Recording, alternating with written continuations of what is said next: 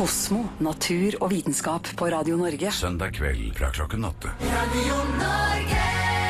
Nå skal det handle om eh, hikke. Her i studio så har jeg forskningsjournalist fra forskning.no, Bjørnar eh, Kjensli, og de fikk inn et eh, spørsmål til sin redaksjon, nemlig hvorfor begynner man å hikke av å drikke øl? Ja, og fins det noe egentlig noe råd som virker for å stoppe hikken? Det spørsmålet det eh, fikk de av en undrende leser som hadde lagt merke til at hikken den kom bare når han drakk øl, og ikke når han drakk eh, drinker. Og eh, Bjørnar Kjensli, dere begynte å grave i spørsmålene. Hva fant dere ut, egentlig? Vi fant ut eh, at hikke kan forårsakes egentlig av mange ting, men først og fremst det at magesekken da blir utvida. Eh, og når man heller i seg øl, så blir jo magesekken utvida både fordi man gjerne drikker eh, mer enn én en eller to, og også fordi kullsyren da utvider magesekken ytterligere. Så det er med på å gjøre at man hikker, rett og slett. Ja. Så det er en kombinasjon av eh, mengden eh, det man drikker, og kullsyren som gjør at magesekken utvider seg ekstra, og det er det som utløser hikken? Ja, Det stimulerer da en nerve i mellomgulvet som kalles frenikus, frenicus, og det setter i gang hikken. Så man, Du har kanskje også merka hvis man spiser veldig fort, så begynner man også å hikke. Det det er samme greia. Ja, at, at magen fyller seg ut fort da, og irriterer denne nerven? Ja, rett og slett. Så blir det en slags krampe i den, eh, i den eh, nerven. Ja, akkurat.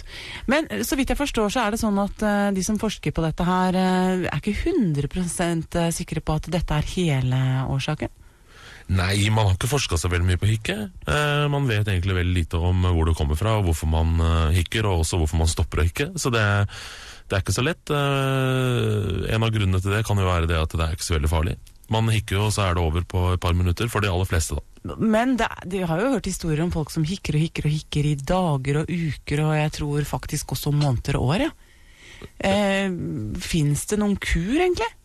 Ja, det finnes forskjellige kurer. Det er også forskjellige grunner til at folk hikker. da. Det er ikke bare denne nerven i, eh, i mellomgulvet som gjør at man hikker. Det kan også være ting i hjernen, og det er også noen sånne psykiske grunner til at man hikker. Man kan hikke ved ekstrem stress, blant annet.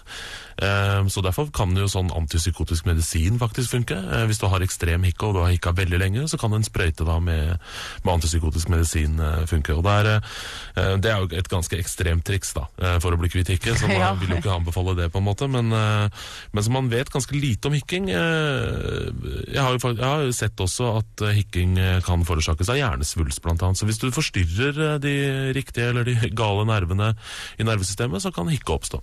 Mm. Så det betyr egentlig at uh, hvis man skulle hikke veldig lenge, så bør man oppsøke lege for å få sjekket ut om det kan være alvorlige årsaker bak? Ja, det, det kan man gjøre, men hvis man har hikket sånn ja, ganske lenge, eh, altså noen timer kanskje, så kan man jo prøve å fikse det sjøl. Eh, eh, og hvis man ikke eh, hikker fordi man er veldig full i magen, eh, så kan man jo prøve å drikke vann for, eksempel, for å stimulere drøvelen og, og svelge. Det kan hjelpe.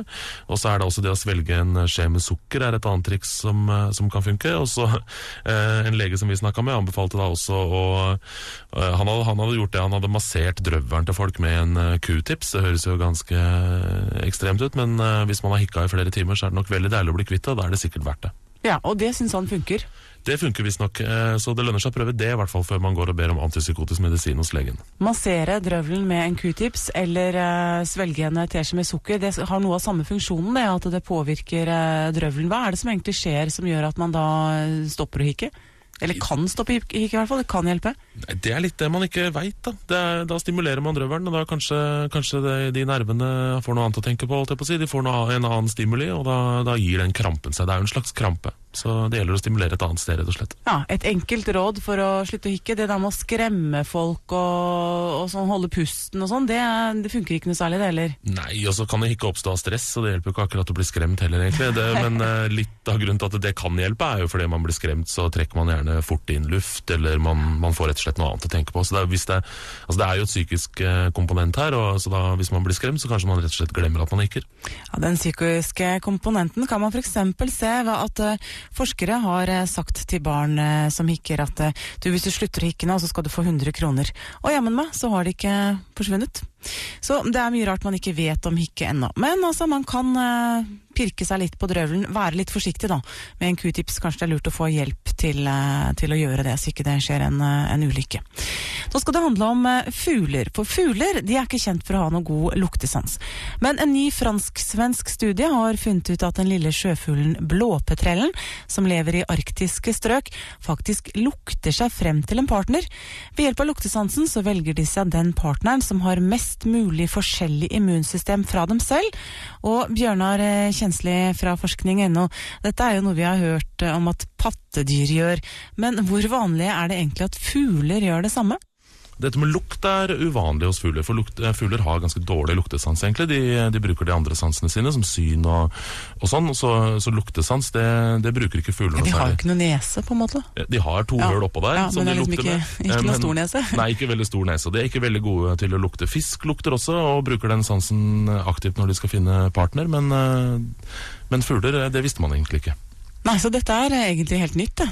Ja, ganske nytt. Man, jo, man, skjønner jo at fuglen bruker nesa til noe, men, eh, men, ikke så avansert som dette her. Nei, Har forskerne noen formening om hvorfor nettopp denne fuglen bruker nesa?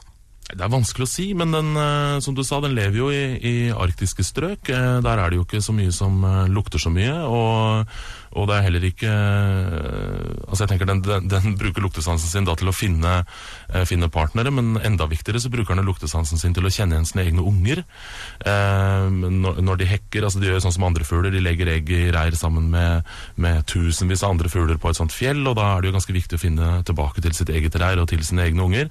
Så det, det er jo viktig. Så der bruker de også nesa, altså? Ja, disse der bruker fuglene. de også luktesansen. Og det er det sikkert eh, andre fugler som også gjør, men, men nei, det er ikke godt å si hvorfor akkurat denne fuglen gjør det. Nei, det, det sier ikke forskningen noe om.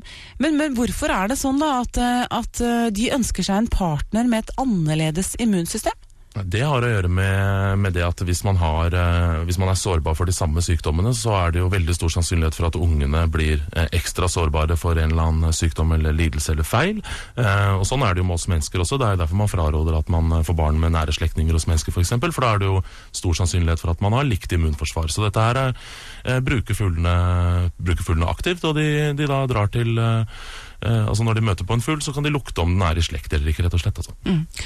Vi var litt inne på det i sted, men bruker fugl, denne fuglen luktesansen sin til andre ting? Altså Vi snakket om å finne seg en partner og finne igjen eh, ungene sine. Er det andre ting den bruker nesa til? Altså, eh, Grunnen til at den bruker nesa eh, til å finne partner, er som jeg sa det at det er viktig å finne noen med et annet immunforsvar som, som på en måte er, gode, er kompatible. Og det er jo ekstra viktig for den fuglen her, fordi de når de først finner seg en partner, så er de gjerne sammen resten av livet.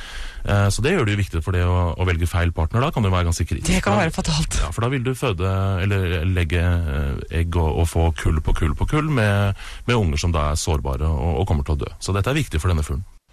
Kosmo, natur og vitenskap på Radio Norge. Søndag kveld fra klokken åtte. Radio Norge.